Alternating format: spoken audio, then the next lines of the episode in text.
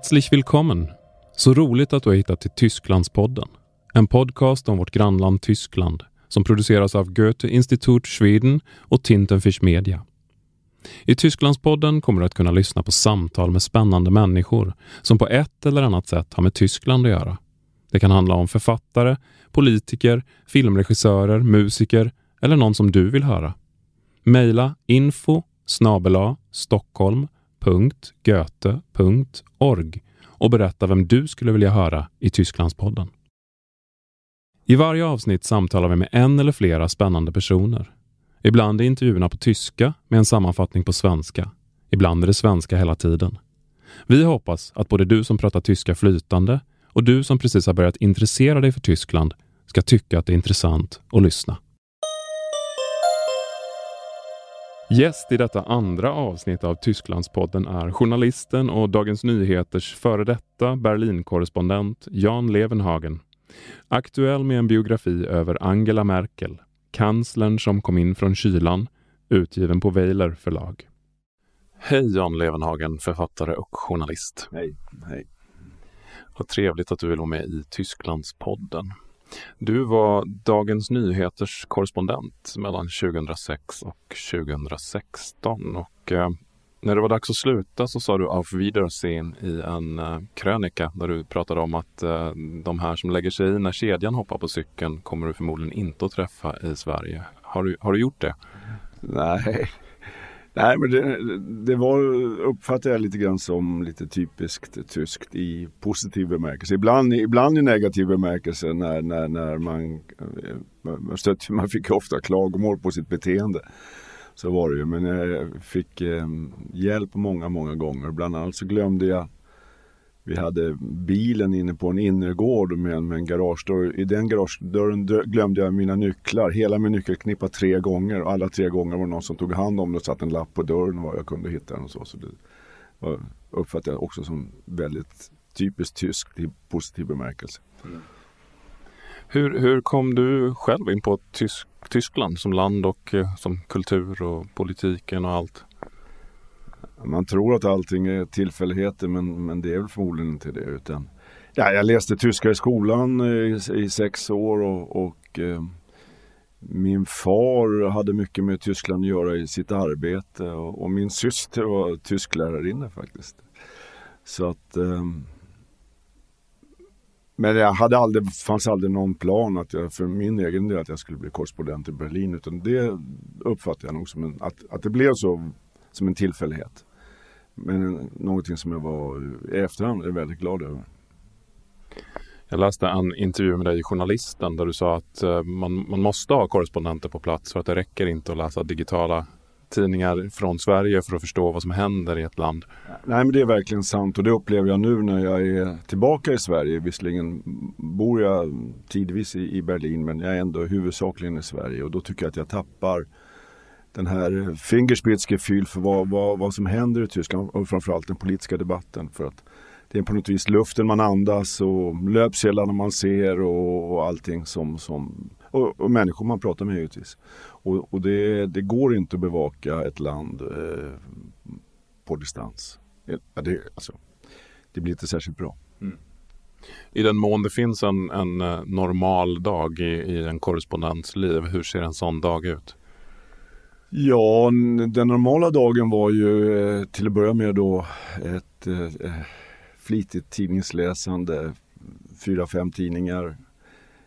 Eh, extensivt givetvis, men eh, och sen så eh, var det, om det inte var någonting väldigt speciellt och så fanns det alltid någon, alltså vi hade en förening i, med utländska journalister i Berlin som ordnade, bjöd in gäster, intressanta personer som hade någonting att berätta. Istället för att vi skulle ringa dem så var det en av oss så, så fick de, och ofta var det kanske något sånt eh, arrangemang. Eller så var det någon intressant presskonferens att gå på eller ja. Det var, så såg normaldagen ut. Jag tror att det var i samma journalistenintervju som du beskrev de tyska dagstidningarna som ett universitet. Eh, vad, vad, vad, säger du om, eh, om tidningarnas ställning om man jämför Tyskland och Sverige? Hur ser dagspressen ut där? Ja, nej men eh, för mig som kom ny då till Tyskland så var det ju var ju Frankfurt Allgemein och Süddeutsche verkliga guldgruvor med sina enormt informativa texter och långa texter. Eh, men samtidigt måste man hålla i minnet eh, att eh, om vi nu tar och jämför till exempel med Dagens Nyheter så är det Dagens Nyheter har ju anspråk att vara en tidning för alla och har en upplaga på, jag har inte exakt huvudet någonstans runt 200 000.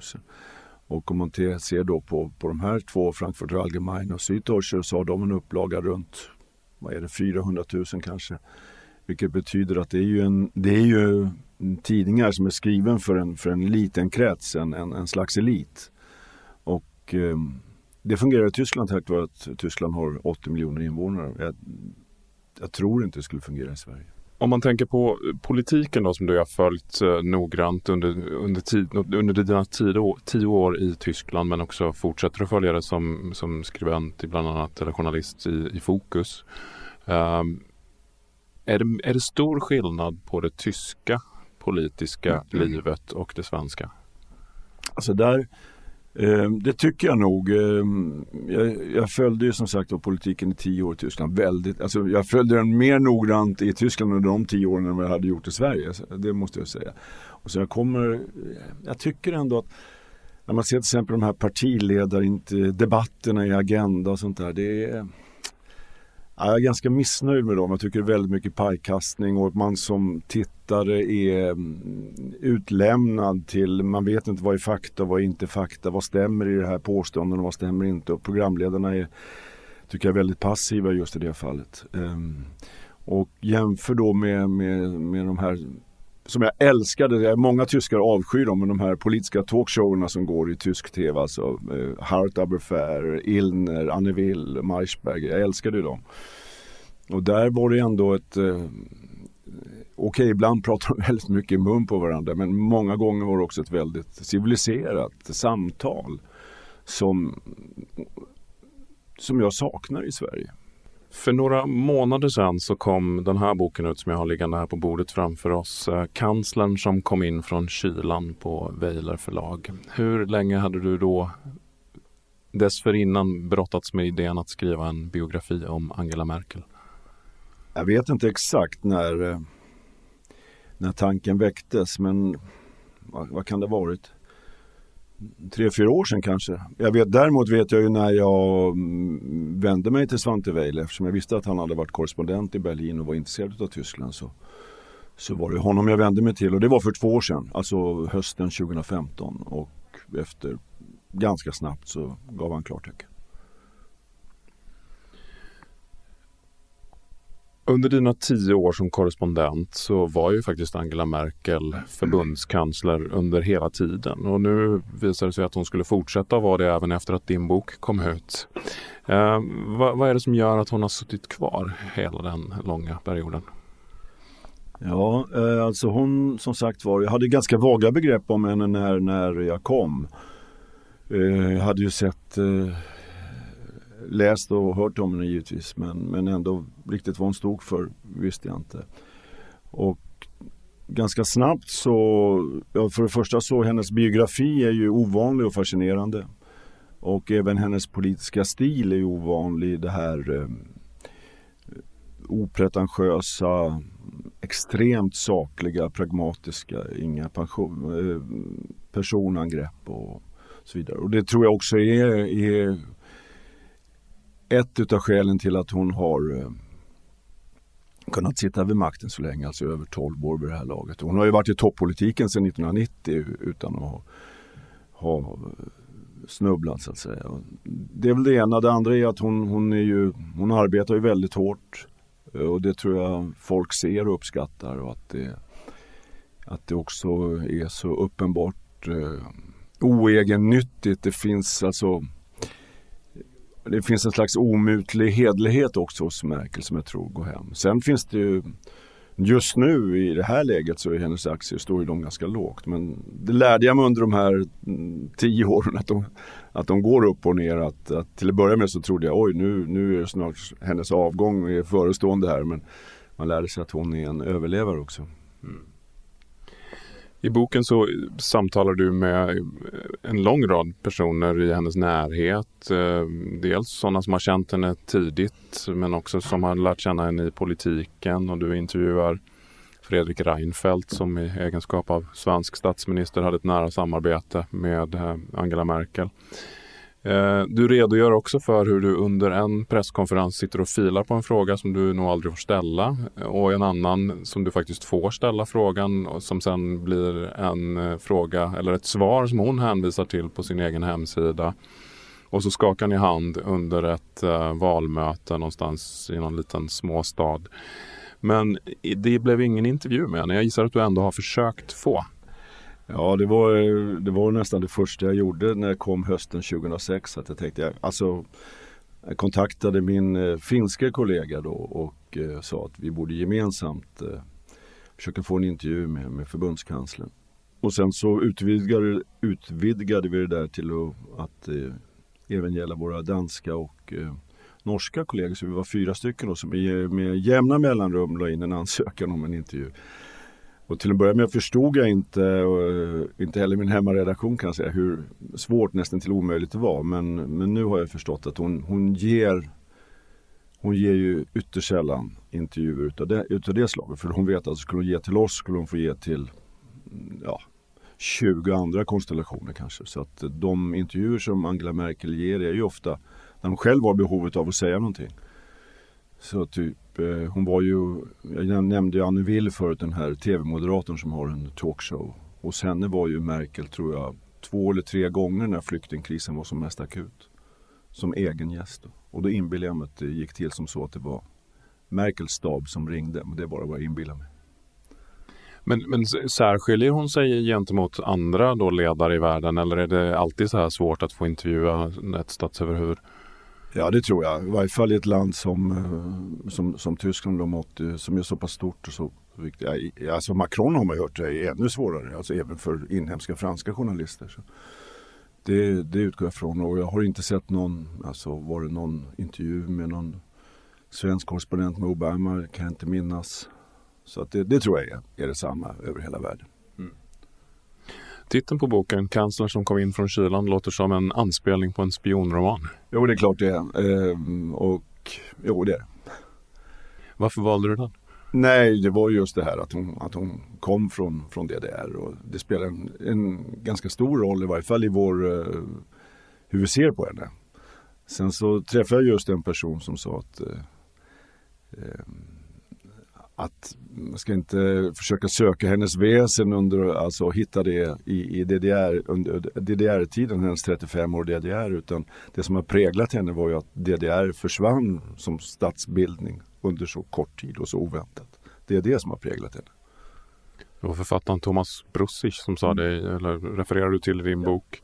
Men, men det måste ju ändå ha betytt någonting att hon var prästdotter i ett eh, kommunistiskt samhälle där hennes mamma faktiskt fick eh, mm. då yrkesförbud på grund av sin makes eh, jobb som präst. Ja absolut, det, det, tror jag.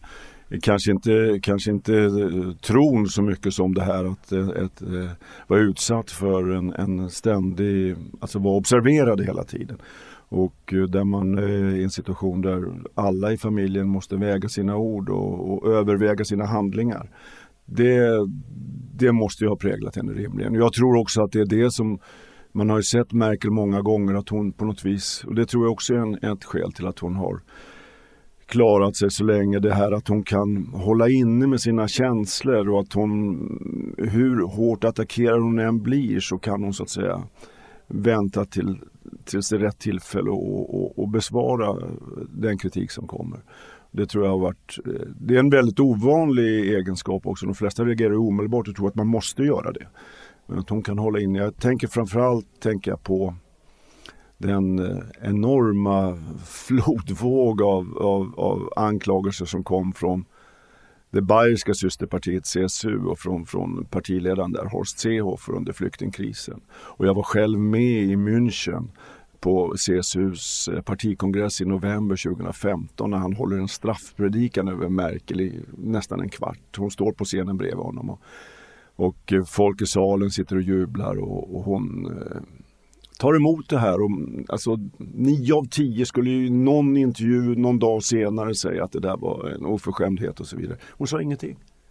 Hon sa aldrig någonting. och, och, och, I vetskap om att, att sånt eh, alltså käbbel mellan två systerpartier, det gagnar ingen. Men att just ha den självbehärskningen, det, det är imponerande. Mm.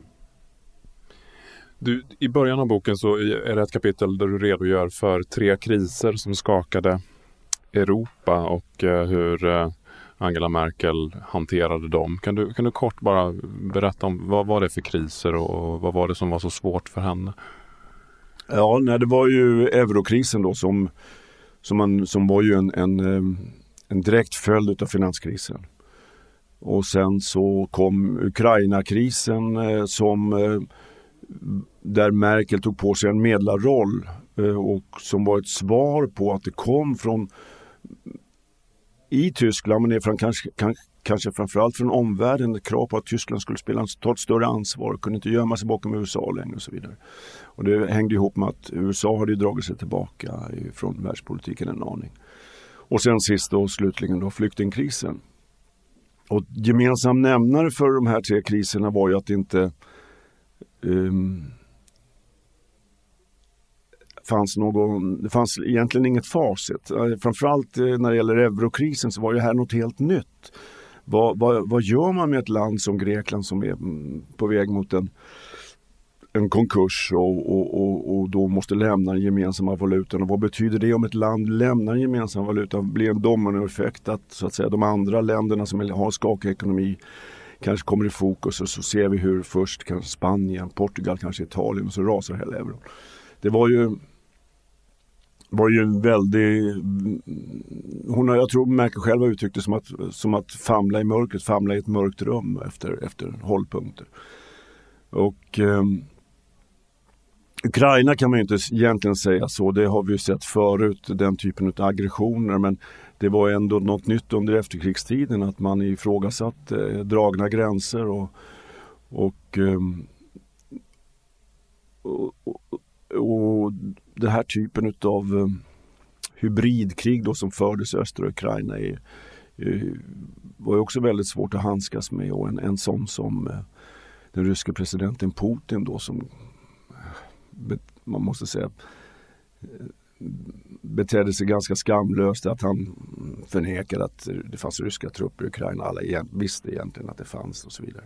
Och så sist och slutligen då eh, flyktingkrisen som, som hade ju en eh, en dimension som... Och det var också något helt nytt. I, och, och egentligen hade man ju kunnat förutse den i, om man hade tänkt efter ordentligt. Men, men den kom ändå väldigt oväntat 2015. Och, och den fick ju också sen följder för, eh, spelade ju en väldigt stor roll i, i det senaste valet 2017. Och, och eh, om man ska skriva det är det som jag saknar det sista kapitlet så att säga. Jag ju, vet ju inte hur, hur, hur det kommer att gå för Angela Merkel men jag är säker på att flyktingkrisen när man skriver hennes någon slags eh, bokslut eller facit att den kommer att spela en väldigt stor roll. Hennes uttalande via schaffen das har ju blivit eh, legendariskt och det har ju också blivit väldigt omdebatterat. Att först så pratar man om en eh, välkommen kultur i Tyskland och till och med Bildzeitung som annars brukar vara rätt snabba på att kritisera eh, gick ut med en kampanj. Um, och varför de gjorde det står att läsa i din bok eller en, en, en teori om varför det var så. Men uh, det har ju också lett fram till kanske alternativet för Deutschland och att eh, för första gången sedan andra världskriget så sitter ett eh, högerextremt parti nu eh, i Bundestag. Um, va, va, så hon, hon, lever alltså fortfarande med sviten av Wir schaffen das, tror du? Ja men absolut. Och på något vis så mm, det, det, det, det återstår ju att analysera valet och vad som egentligen hände. Men nu stirrar vi oss blinda på att eh, CDU i det här fallet och Merkels parti fick 32,9 procent i valet. Alltså ett nästan rekorddåligt resultat. Men man glömmer lätt bort att så sent som i augusti så, så låg CDU på 40 procent. Så vad hände de här senaste fem veckorna? Och det som det som eh, jag hörde Angela Merkel själv säga på en presskonferens efter valet och det tror jag ligger mycket i. Det var att det var ju en, eh, den enda tv-duellen mellan henne och, och utmanaren Martin Schulz ägde rum 3 september. Och för första gången vann Merkel en sån tv-duell. Och då var det liksom ställt, då var, då var så att säga valet kört. Alltså i, Schultz kunde inte längre utgöra något hot. Och då när, när kanslerfrågan så att säga var avgjord, då kom frågan upp, ja vilka ska då, då riktades intresset mot de andra partierna. Och där fick eh, Alternativ för Tyskland, AFD, då chansen att spela ut sin politik. Och när jag var på valmöte med dem, då var det som om det vore 2015, det vill säga öppna gränser, totalt kaos och så vidare, vilket ju inte är längre. Men de, de målade upp den bilden och var väldigt framgångsrika i det. Men hennes reaktion på uh, det som hände 2015 var väl också, alltså om man tänker på henne som person eller som hennes politikerstil var ju också en, en nyhet för att hon reagerade ganska snabbt. Ja, eh, det var ju, det sägs ju alltid om Merkel att hon, att hon tvekar och tvekar och tvekar och bestämmer sig när saken egentligen har bestämt sig av sig självt. Eh, det har ju hon fått, den kritiken har hon ju alltid fått höra. Och den, det här ehm, att det kan ta lång tid för henne att fatta beslut har hon ju själv eh, medgivit att det, det hör till hennes stil att väga för och emot och vara väldigt noggrann. Och, och då är det ju hennes medarbetare som arbetar väldigt hårt och lägga fram argument för och emot och sen så fattar hon ett beslut. Men eh, det finns ju tre tillfällen ändå där hon har fattat snabba beslut. Det ena var ju det här med, med, med Helmut Kohl 1999 och hon skrev det här berömda brevet till Frankfurter Allgemeine där hon sa att CDU måste kapa trossarna till kol. Och det andra var då efter Fukushima där, där Merkel svängde 180 grader inom loppet av några dagar i en så central fråga som kärnkraften. Och sen då eh, flyktingkrisen som ju blev väldigt akut då eh, den här berömda fredagen 4 september när flyktingarna är på väg till den österrikiska gränsen och Orban eh, hem, ser till att bussa flyktingar till gränsen från hela Ungern. Och då, då finns det ju inte utrymme för någon tvekan utan då måste man fatta ett beslut eh, snabbt. Och, och, den förmågan har hon ju också. Och sen, sen var ju inte världen sig lik efter det beslut som hon och den österrikiska kanslern fattade den 4 september. Att inte stänga gränsen. Och då var ju den här Dublinöverenskommelsen var ju så att säga officiellt satt ur spel i och med det. Och det var, uppstod en helt ny situation och där man, man talade om en, behovet av en europeisk lösning men det var ju bara mm, Tyskland, Österrike och Sverige vid den tidpunkten som egentligen var beredda att ta emot flyktingar i någon större utsträckning. Det, det, beslutet kom ju till väldigt hastigt men det fick ju väldigt långvariga eh, konsekvenser, konsekvenser som vi lever med än idag. Och just den här, mm, den här sprickan i Europa mellan, mellan de Alltså Ungern, Tjeckien, Polen och Slovakien och så vidare som då så starkt vänder sig mot en, en, det man kallar för en europeisk lösning.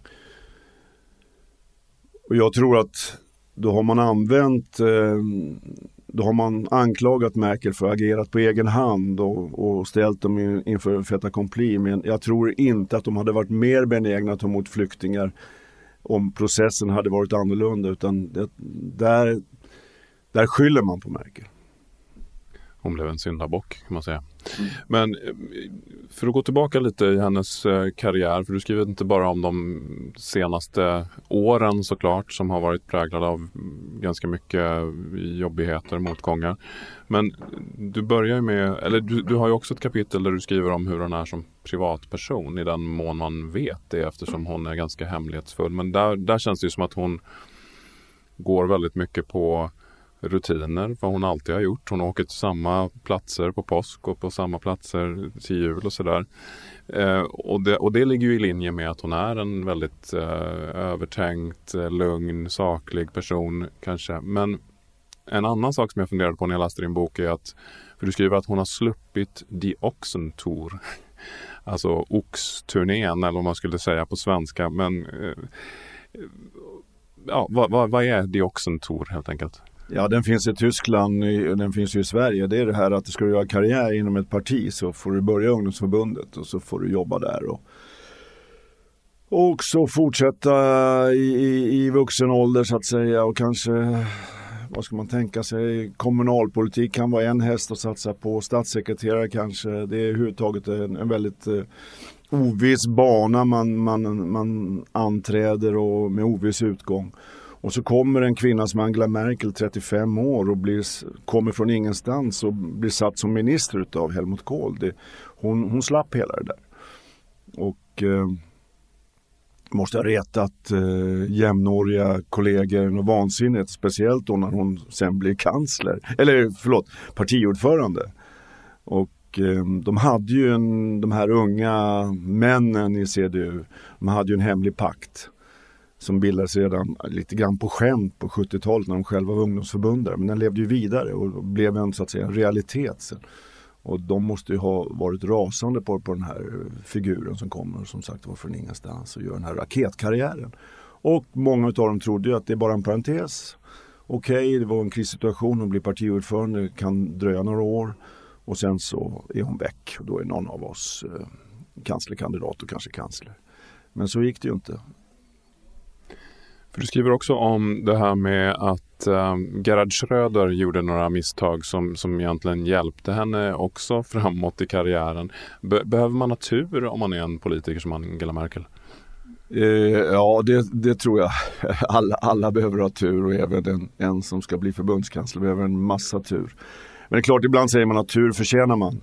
Och eh, det kan man säga att mm, Angela Merkel har ju inte tagit sig an det här med något, med något lättsinne utan har ju verkligen alltid arbetat väldigt hårt och varit som jag ser det också väldigt ödmjuk inför uppgiften. Hon var ju väldigt rädd när hon blev, blev minister då 1991.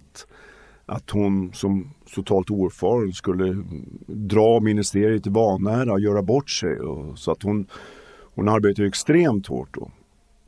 Så, och, och, så på det viset så förtjänar hon ju tur. Och samtidigt kan man också säga att, eh, och det gäller ju lite grann för Tyskland och om man nu säger att Tyskland idag står väldigt starkt i Europa så, så beror det okej, okay, det beror till del på vad man har gjort i Tyskland men det beror ju väldigt mycket också på andras svaghet. Och det kan man ju också se Merkels framgång eller CDUs framgång att CDU har hållit sig vid makten nu sedan 2005 beror ju också på att ett parti som SPD, de tyska socialdemokraterna, lik, alltså har ju en enorm, haft en enorm kris ända sedan sen Schröder förlorade valet. Som, som inte är övervunnen än, tvärtom. Den kanske bara är någonstans mitt i. Men det har ju klart också gynnat Merkel. Mm. Du var inne på det här med eh, Pacto Andino som den här hemliga pakten hette mellan CDU-arna, eller CDU-männen handlade det om. Eh, och överhuvudtaget det här med att hon är en kvinna i CDU som är så starkt dominerat av män. Hur, hur har det varit för henne som politiker? Ja men det har hon ju vid olika tillfällen sagt eh, att, att, eh, att till exempel när hon kommer till Bonn då som ung kvinna. Hon är yngst i regeringen och, och det huvudtaget det är ju ett parti då som är mm, var och fortfarande är mm, manligt dominerat. Jag, jag kommer ihåg jag var på partikongressen i Essen för ett år sedan och man står, sitter på pressläktaren bakom, då ser man en skog av mörka kostymer. Det är så fortfarande.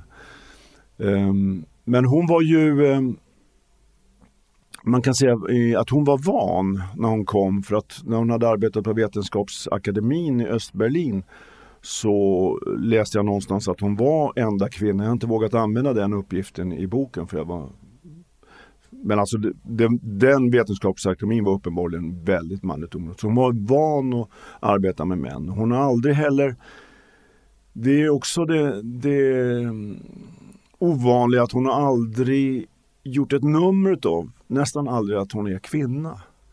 Hon kallar sig för övrigt inte för feminist. Det var ju, hon hade en, en eh, in, när Tyskland var G20-ordförande så hade de i våras i Berlin och sådär, samman, alltså med, med kvinnor bara. Det var eh, Trumps dotter var där och Christine Lagarde och så vidare.